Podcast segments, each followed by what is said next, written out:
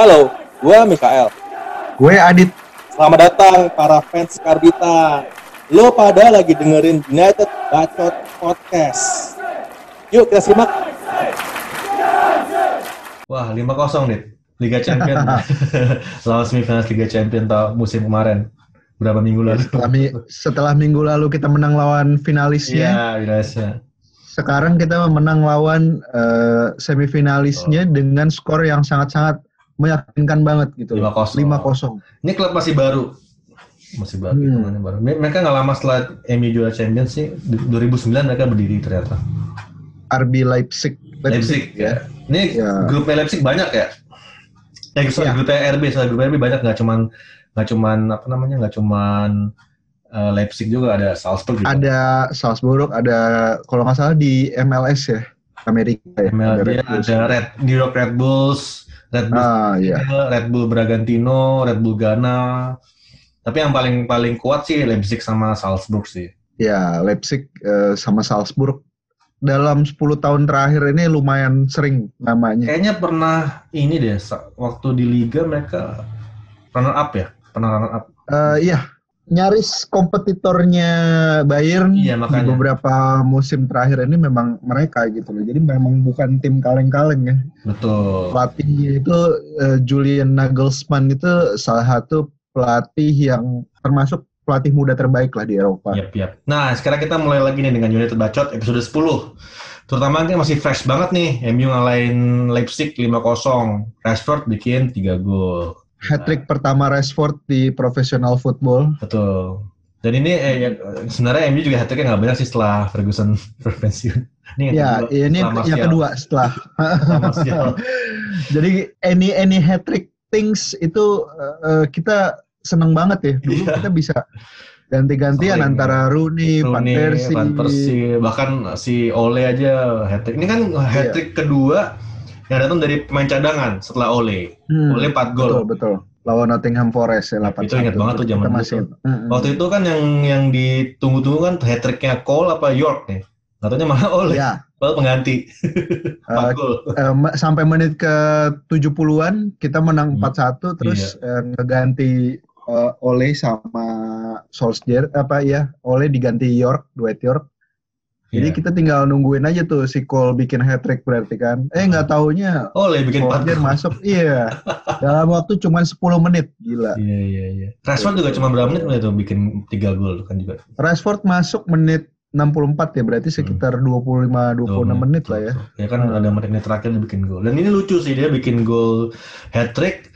Dia sebenarnya bisa hat trick sebelum itu, cuman si Martial dikasih ke dia penaltinya ke Martial. itu dia memang eh, apa ya ada untungnya juga beramal banyak gitu nggak cuman ke anak-anak di UK Yap, yap, yap.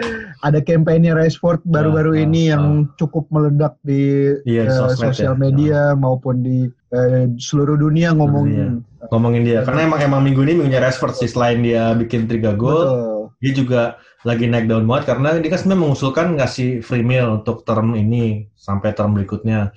Tapi iya uh, parlemen sana menolak kalau nggak salah. Jadi menolak, nggak, di, dikasih free meal, nggak dikasih makanan gratis. Akhirnya dia yang inisiatif.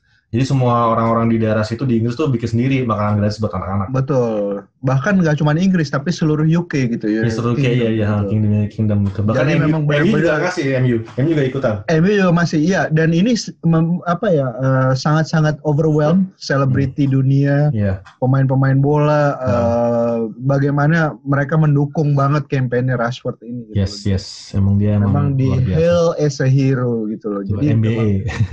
NBA. MBE. Sebenarnya kalau pemain-pemain bola itu dapat gelar eh, MBE, OBE itu udah biasa gitu. Biasa. Cuman Rashford ini Masih muda banget. eh, masih muda banget gitu. Iya, loh. iya. Jadi belum ada prestasi apa-apa yang sebenarnya Iya, betul. signifikan di, di bola, tapi dia dari segi eh, humanitarian dia sangat menonjol di situ Betul. ya. Emang tapi emang MU tuh pemain-pemainnya emang karakternya kuat sih. Gak cuman zaman dulu kan Hmm. Beckham kuat banget ya Beckham kan. Terus uh, Ya. pelatihnya Ferguson juga kuat. Ryan Giggs juga kan di, di dikenang di Mark Roy Keane gitu kan. Ya secara karakter emang Ya. selalu melahirkan karakter-karakter bagus. Gak cuma main bola jago gitu. Kalau kayak Liverpool kan Ya. siapa sih yang karakternya kuat? Paling Gerrard doang. Udah. Iya. Bahkan sekarang tri- trio Salah, Mane sama si Firmino kan juga nggak nonjol, paling salah doang sedikit-sedikit nonjol, tapi kan lainnya Hmm, nggak- Mbak, nggak- iya. nggak kuat. Karakternya kalau Liverpool mungkin zaman sebelum kita ya kali ya Hmm, 80 iya, iya. 90 banyak gitu kan ya banyak. agak lumayan Lumayan- banyak gitu. lumayan Tapi banyak. Setelah itu kalau menurut gue sih agak-agak lax dibandingkan dengan MU gitu. Yap, selama mereka selama itu kan Gerrard aja orang kenal. Yang tahu lainnya Oh, iya, cuma benar. cuman fansnya doang yang ngerti Carragher, ngerti si uh, The Kuit Mm-mm. itu kan lainnya nggak gitu ngefans. Tapi kalau MU kan Ya, semua tahu siapa Peter Schmeichel, semua tahu siapa Roy Keane. Cantona, Cantona apalagi Cantona kan yang wah waktu dia iya. gue gila banget sih emang sampai Cantona, Beckham, bahkan era tahun 2000 tuh ada Rooney, Ronaldo. Iya Rooney betul Ronaldo ya terus Hmm, jadi agak-agak ya ini diteruskan oleh Rashford sekarang. betul. Kita Nah makanya gimana tuh perandingan kemarin tuh 5-0 loh itu agak-agak kelewatan sih kita nggak ngarepin menang sebanyak itu bisa kelebihan. Betul. Dan i- menurut gue dari pergantian pemain spot on ya Ole. Iya iya. Jadi Hmm. ya, game change ketika eh, Ole tuh ngeganti masukin Rashford, masukin Bruno. Hmm. eh, itu udah mulai-mulai bisa neken lah ya. Ini mungkin ada pengaruh ya karena di Inggris itu kan batas pergantian pemain cuma tiga. Ya di sini boleh lima kan, Champions boleh lima. Iya di Liga Champions bisa lima. Jadi menurut gua musim lalu kita kita masih lima gitu loh. Jadi Hmm, kita hmm. ketolong ketolong juga dengan kita kan run runnya pas eh, Habis habis itu habis ya? karantina, habis karantina. abis karantina itu kan kita lumayan kenceng tuh. Kenceng Kita banget betul. lumayan Dari posisi 8 jadi posisi 3. bener. Nah ini menurut gua ada ada faktor itu juga. Jadi memang kalau di Liga Inggris tuh Ole nggak bisa salah dalam menentukan starting line up gitu. Betul. Karena kita cuma bisa tiga pengganti pemain tiga orang. Hmm, hmm, hmm. Eh, waktu lawan eh, apa namanya minggu lalu PSG, Iya, kemudian lawan eh, sebelumnya Newcastle, PSG, Hmm. Chelsea. Chelsea. dan sekarang eh, Leipzig. Nah Leipzig, ini Leipzig. ada ada ada kesamaan di formasi ketika lawan Leipzig sama lawan PSG dan Hmm. ketika lawan Newcastle lawan Chelsea. Lawan Chelsea itu kan unchanged ketika kita menang lawan Newcastle. Yep. Formasinya nggak nggak berubah gitu. Jadi menurut gua agak salah juga sih. Cuman ya memang pertandingan lawan Chelsea itu kemarin juga ada faktor X ya kipernya Chelsea itu on fire banget itu. Mendy. Edward Mendy ya. Tiga save. Edward Iya. Edward Mendy dia bikin tiga save. Tiga save yang menurut gue itu kalau kipernya Kepa itu gol itu. kayak apa mah nggak usah kayak gitu juga gol. Kadang-kadang dia bikin salah ngasih Iya. kita gol. Mm-mm, jadi kita agak-agak nggak hoki juga tuh lawan Chelsea. Dia seneng sih dapat si si dapat si Mendy. Mendy ini kan dia masih ada hubungan sama Mendy-Mendy lain. Nggak tahu ya itu marga kayaknya si marga di sana. gitu. Eh, jadi Kayak banyak banget Mendy. banyak banget. Nah, ada pemain Manchester City juga ada. iya. Mendy juga ada kan main Leicester Leicester City juga ada main. kayak marga.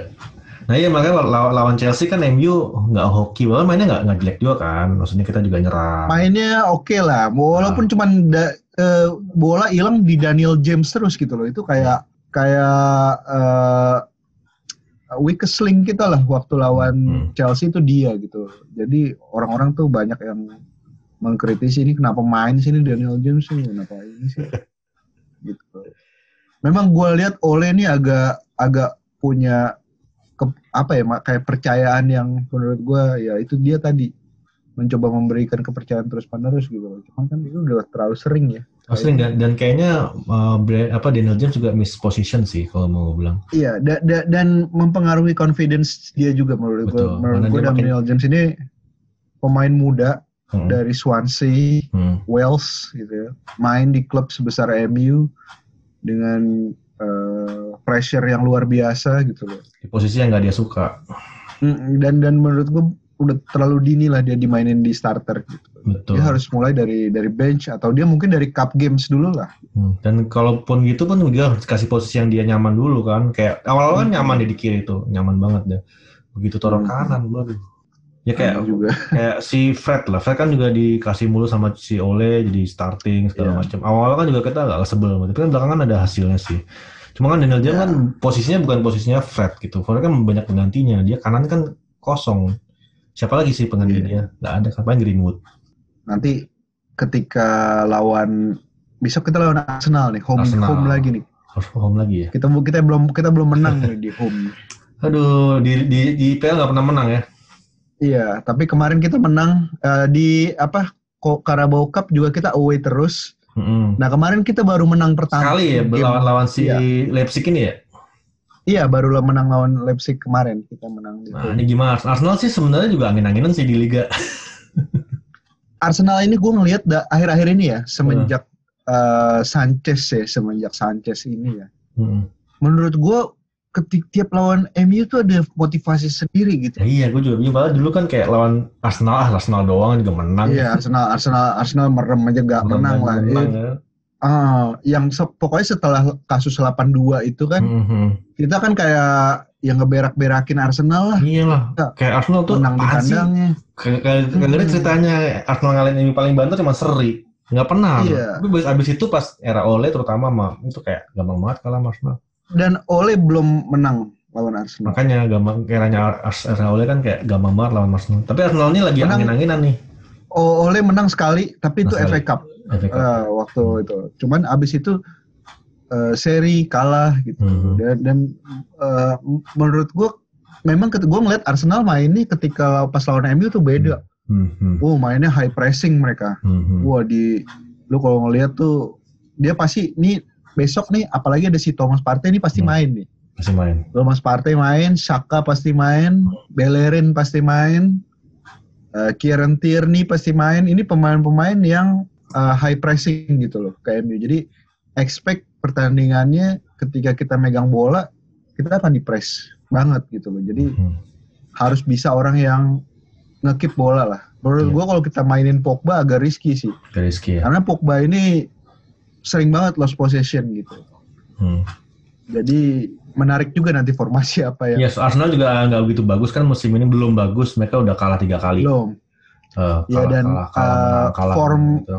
Terus Form golnya iya. Auba ya, juga lagi jelek. Auba lagi jelek. lagi jelek. Gue masang Auba tuh di di FPL. Nggak nggak dapat poin apa-apa gue dari Nehe dia. emang. Dia baru satu, baru satu gol ya. Makanya gol. itu satu gol itu juga pertandingan awal kalau nggak salah. Mm-mm, makanya heran nggak mau. Dia kan salah satu striker yang paling terengginas tuh di EPL. Mm-mm. Ini malah Bener-bener. tenggelam, malah yang naik-naik malah pemain-pemain lain kan. ini sebenarnya salah satu tes juga sih buat Ole gitu loh. Yep. Karena uh, Arteta ini salah satu pelatih yang menurutku juga bagus ya. Hmm. Dia ada influence dari Wenger, ada influence dari Guardiola, uh, dan dan sebagai pemain kan dia sebenarnya pinter ya. Salah satu pemain yang cerdik lah. Yep. Jadi kalau pemain cerdik itu teori gua otomatis dia ahli strategi juga gitu. Ya, kayak Lampard lah. Jadi Lampard sama Hmm. Guardiola kan semua gelandang tuh tiga-tiganya tuh. Lampard tapi sampah kalau Lampard. Iya. Kalau ini Arteta Cerdas. beda dia dia beda lah kalau Lampard kan bukan bukan eh, jenderal tengah dia kan Yep, gelandang serang kan. Gelandang serang. terus Arsenal juga ya kiper dia udah balik lagi ya si Leno tuh. Leno bagus baik lagi ya, main ya. Hmm, dia punya punya back juga lumayan bagus jadi Hmm.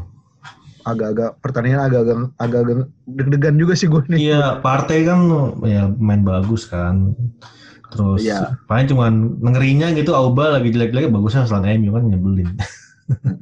Arsenal kalah tiga kali di enam pertandingan udah kalah tiga kali iya, tiga Kalau tiga. MU tiga dari- menang, tiga kalah. Kalau MU dari lima pertandingan, Dua kalah, dua menang, menang, satu seri. seri. iya. Jadi hampir ya 11-12 lah ya. 11 mirip-mirip, beda cuma beda satu seri doang gitu. Kalau MU menang ya cuma beda berapa satu poin dari Arsenal.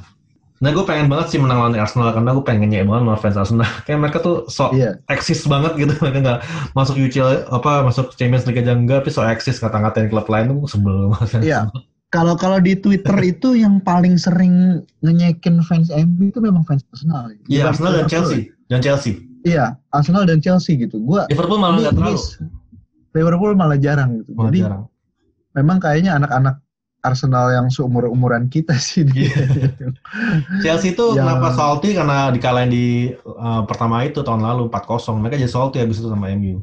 Tapi kalau fans Chelsea, gue tuh nggak tahu ya. Gue nggak nggak nggak inget sejarah gue punya Ah, ah. beef yang gesek-gesekan sama fans Chelsea gimana gimana banget. Wah, bah- wah, bahkan kita menang Champions terakhir kan lawan Chelsea Iya, gitu. iya. Terus juga pemain-pemainnya tuh nyebelin semua tuh. Betul. Dulu tuh gue kesel banget tuh. Drogba, Drogba, Terry, Terry, waduh, Ibalak, ya kan.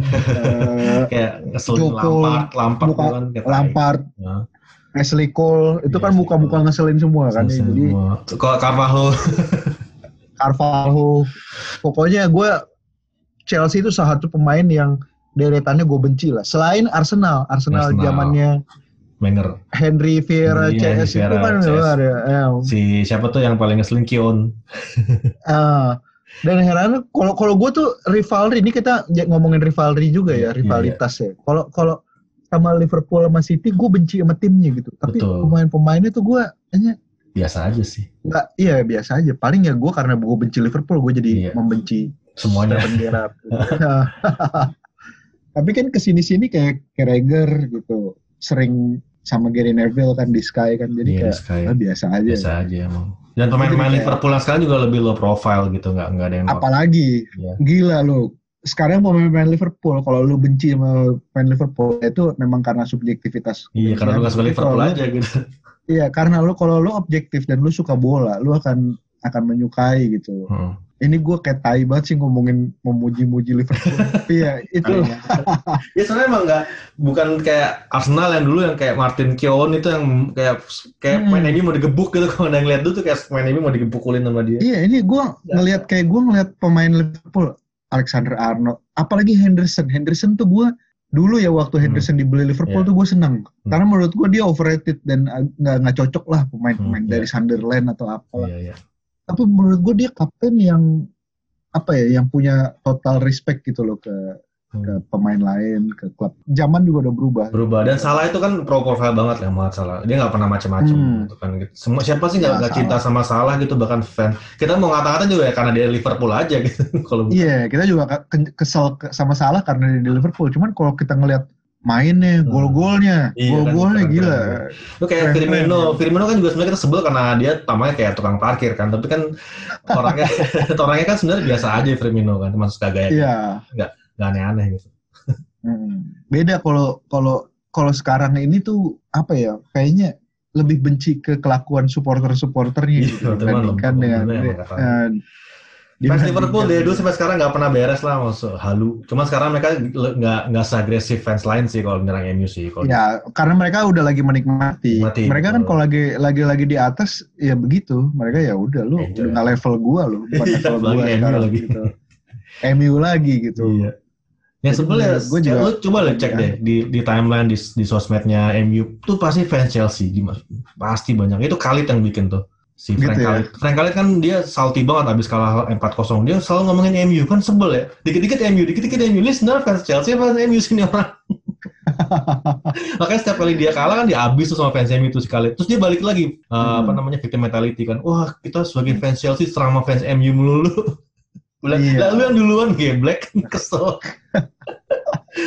Dan kita nggak Tapi memang kalau eh gua kalau gue sih lebih sering nemuin fans Arsenal ya. Maksudnya Arsenal ya. Kita kalah 6-1 dari Spurs saja. Spurs itu kan ibaratnya city-nya mereka gitu. Manchester City-nya Arsenal gitu. Iya. Ya mereka kayak Ikut-ikutan Iya. ngata-ngatain. ikut-ikut ngata-ngatain gitu loh ya. Ya udahlah. Ada tuh temen Gitu. fe- Facebook gue gitu kan dia ngata-ngatain MU waktu kalah 6-1 terus gue bilang ini nggak apa-apa kan ngebalas kekalahan lo dulu 8-2 gitu. Yang ngebalas rival lo makanya. sendiri. Ini ini eh, lawan MU lawan Arsenal kemarin lawan lawan Arsenal besok ini ada banyak pertanyaan.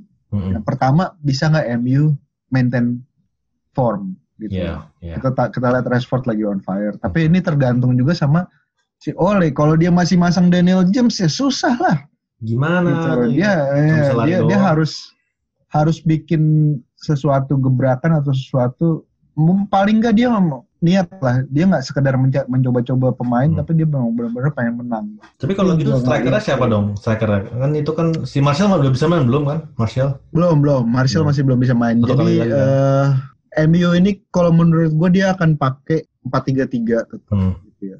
Tapi mungkin di depan itu dia dia pakai Greenwood, Rashford sama kayaknya si Cavani sih nggak main dulu ya. Menurut gue sih masuk lagi. Bruno oh iya Bruno akan akan, akan di situ. Kita akan numpuk tiga gelandang Oh, oke, situ. Mungkin oke. mungkin dia pakai Pogba, Fred sama. McTominay. Hmm, hmm. Kemudian di tengah eh, itu eh, Bruno, depan Greenwood Oke, sama make sama. Rashford. Jadi empat tiga satu dua. Mereka balik ke show lagi kan karena si Teles COVID. Iya, jadi ya show juga sebenarnya nggak bisa ditebak ya angin-anginan. Dia giliran kita dia giliran kita nggak expect dia bisa bagus gitu. Tapi Iya. giliran kita habis salah nih show kalau head to head lawan si ini lawan si itu.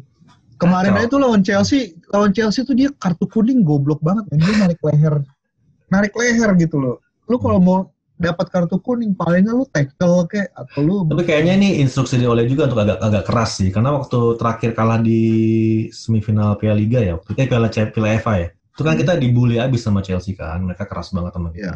Ya mungkin ada ada sedikit untuk lebih keras lagi gitu, mungkin ya, karena emang kan agak serem tuh Maguire kayak begitu. nanti eh, show kemungkinan akan head to head sama PP Nicolas PP Oke. di kanannya Arsenal. Jadi ya kita lihat aja sih show gue gue nggak pernah nge-rate dia sebagai pemain terbaik kita ya. Dia squad player menurut gue Hmm. bukan our best player tapi kita ini match yang menurut gue krusial jadi Yes. dia harus perform. Bagusnya sih sama Maguire sama Lindelof itu apalagi AWB lagi lagi oke nih. Paling AWB udah pasti oke lah karena dia kan emang masuk kalau kalau di belakang kayaknya nggak akan ada perubahan paling di tengah sama di depan. tengah depan betul betul betul. Ya Ada kemungkinan juga sih ada kemungkinan juga sih Oleh pakai mata sih. bisa jadi kemungkinan. bisa jadi untuk di depan ya. Nanti Bruno Iya. support. Tapi kayaknya Van de Beek nggak main lagi. Jadi di cadangan aja kayaknya. Eh, Soalnya kan kemarin juga dia ya oke sih mainnya tapi maksudnya nggak sampai wah juga. Beda kalau ketika dia cadangan kan. Iya benar. Tapi menurut gua kemarin waktu lawan Leipzig Van de Beek main bukan di posisinya sih. Menurut gua ya. Mm. Dia kan dia nggak nggak nggak dimainin di tengah banget. Kan ada Fred di situ sama Ya, Fred. Matip. Tapi seneng sih maksudnya depth-nya udah mulai kelihatan gitu kan udah mulai merata. Eh, walaupun yang baru beberapa pertandingan tapi ya oke lah Fred udah mulai stabil terus di penggantinya Gadoni levelnya kan gak bagus Iya. strikernya ya mungkin striker agak kurang karena si Martial tapi tetap aja lumayan kan backnya oke lah ada Tuan Zibi segala macam jadi walaupun tidak tidak terlalu dalam tapi lumayan sih pelapis pelapisnya sih kalau gue Iya. lihat. Ya ini bu- menurut gua squad MU yang sekarang ini bukan squad untuk juara ya. Kita be honest saja lah. Hmm. Kita realistis aja. Ini bukan challenging untuk Hmm. Iya, challenging iya, tapi bukan favorit juara lah. Menurut gua favorit juara masih Liverpool. Liverpool gitu loh. Iya benar saat soalnya di, ini di saat ini ketika klub lain masih nggak stabil Liverpool masih stabil. Dan dan dan sekarang ini MU kalau misalkan dia bisa challenging paling enggak satu dua atau ya pokoknya nggak jauh-jauh beda lah posisinya sama Hmm, sama tahun Oh, musim itu kemarin. menurut gua tuh udah, udah good sign gitu. Tapi gue gue gue agak pede sih MU bisa nomor 2 sih. Tapi masalahnya gue nggak tahu selisihnya berapa jauh sama nomor satu. menurut gua juga gitu. Ini Nah. kita bicara realistis dan menurut gua ini ini bagus kita mewakili fans-fans MU yang nggak Hmm. halu gitu. Heeh. Karena dengan pemain-pemain yang sekarang ini ini sebenarnya bukan pemain yang diinginkan sama pelatihnya gitu. Iya. Yang diinginkan sama Oli. Hmm. Iya. Paling nggak do the best kalau kita maksimalin ya paling nggak bisa lah gitu. Dan kalau misalnya oke lah lupain lah sama lawan Spurs yang kacau balau. Kalau misalnya kayak selama empat pertandingan terakhir ini bisa stabil gitu, kita menang seri menang seri, bisa lah nomor 2. Hmm. Dengan keda- Hmm. kedalaman seperti ini, apalagi nanti Januari ada si itu kan, ada si siapa namanya tuh? Traore. Ya Traore Diallo itu kan. Ah. Ah, kan lumayan jadi pelapis tuh nambah lagi kedalamannya tuh si si Pelistri juga harusnya juga mulai dimainin walaupun dia kayak kayaknya sih bakal jadi pemain akademi doang cuman harusnya udah mulai Iya. dimainin juga buat cadangan terutama di di cup gitu kan ya kalau misalnya sampai ke peringkat kelima ya banyak ada salah di pelatih sih tapi dengan kedalaman ini gue Hmm. pede sih dua tiga tuh udah sial banget Iya. juara setuju gue. juara paling nggak paling nggak salah satu good sign-nya ketika kita lawan Liverpool kita nggak Iya. nggak kalah Nggak kalah betul itu itu itu itu udah udah oke lah Ya soalnya Liverpool stabil banget. Kalau Liverpool angin-anginan kayak si City gitu kan, kita masih bisa pede Iya. juara. Masalahnya Liverpool, Liverpool itu bahkan dia tanpa Van Dijk aja dia menurut gue sih ini kan Van Dijk udah pasti roll out for the season ya Iya hampir ya sampai akhir Dan- lah. nanti pasti Januari dia akan beli back gitu Hmm. jadi it's all covered lah kalau for, for Liverpool gitu Hmm. mereka punya bukan cuman sekedar pelatih yang ya head to head mid gitu loh memang pelatih bagus gitu loh mereka juga didukung sama manajemen yang sangat suportif si FSG itu betul. John John Henry itu dia eh, mendukung banget gitu loh mau beli siapa mau beli siapa mau beli siapa Iya, karena mereka mau menguasai Eropa lagi. Hmm. Bisa-bisa juara Champions lagi kita nggak tahu. Ah, kalau Champions masih Bayern lah Sebenarnya. Iya Bayern atau ya tim-tim kayak Juventus atau Soalnya kayaknya Madrid sama Barcelona susah. Juventus juga Hmm. angin-anginan main kalah barusan kan. Bayern gila lu itu Bayern doang sih yang kacau. eh, kayak pakai cheat di Kecit. di FM nya pemain-pemainnya udah Cuman menurut gua kalaupun dia punya kompetisi sih Liverpool doang. ya Karena mungkin- kemarin mereka, mereka tahun lalu kalah Liverpool karena mereka fokus di liga banget. Tapi kan sekarang dengan lebih kayak gini nih kondisinya kacau balau gini, mereka bisa dua-duanya minimal dua bisa cuman ini masalahnya kalau di apa ya ibaratnya kalau Liga Champion ini tuh Hmm, nggak cuman sekedar squad nggak cuman sekedar lu yes. harus jadwal kalau tim dari Liga Inggris itu sama tim dari Liga Jerman itu hmm. beda jadwalnya intensitasnya mereka Hmm. ada winter break Iya, ada winter mereka break. ada eh, mereka kompetisi itu nggak banyak kalau kita kan ada Carling Cup lah ada eh, ada Dan Cup lah ada eh, FA Cup di lah. Bundesliga klub-klubnya juga nggak kompetitif. Bener, Hmm. klubnya. Lu lu minggu ini lu ngelawan Schalke, midweek lu ngelawan eh, Atletico Madrid lah. Terus midweek berikutnya lawan tim-tim yang ya apalah Borussia Mönchengladbach lah atau Bayer Leverkusen lah. Itu menurut gua bukan saingannya Bayern sih gitu. Hmm. Jadi jadi jauh lah. Ya. Itu kalau Liverpool kan gila lu ngelawan Leeds saja atau lawan Leicester aja Siapa ya? Atau Lawan lu lawan- Everton aja, Evertonnya mati. Everton aja lu ha- ha- ha- harus mainin pemain-pemain terbaik lu Dan gitu. ngorbanin. Van Dijk. Mm-mm, menurut gua agak berat gitu loh kalau misalkan eh, kalau lu mau juara bareng antara Liga Inggris sama Hmm. Liga Champions, lu harus Hmm. punya paling enggak eh, dua atau tiga pemain untuk mengcover pemain-pemain inti lu gitu. Kayak MU zaman dulu ya, tahun 2008. Iya, itu udah komplit banget itu sih, Banget. udah. Ya udah. Oke, Dit, mungkin udah episode 10 udah udah Yap. begini ya. Kita akan Nih, ngobrol menarik lagi. nih. Nah, seru seru. Sip. Agak panjang tapi nggak apa-apa lah, worth it lah untuk didengerin sampai habis. Oh. Thank you semuanya. ya, thank you. Kita nanti ketemu lagi di episode berikutnya di United Bacot. Ya, dadah. Thank you. Dah.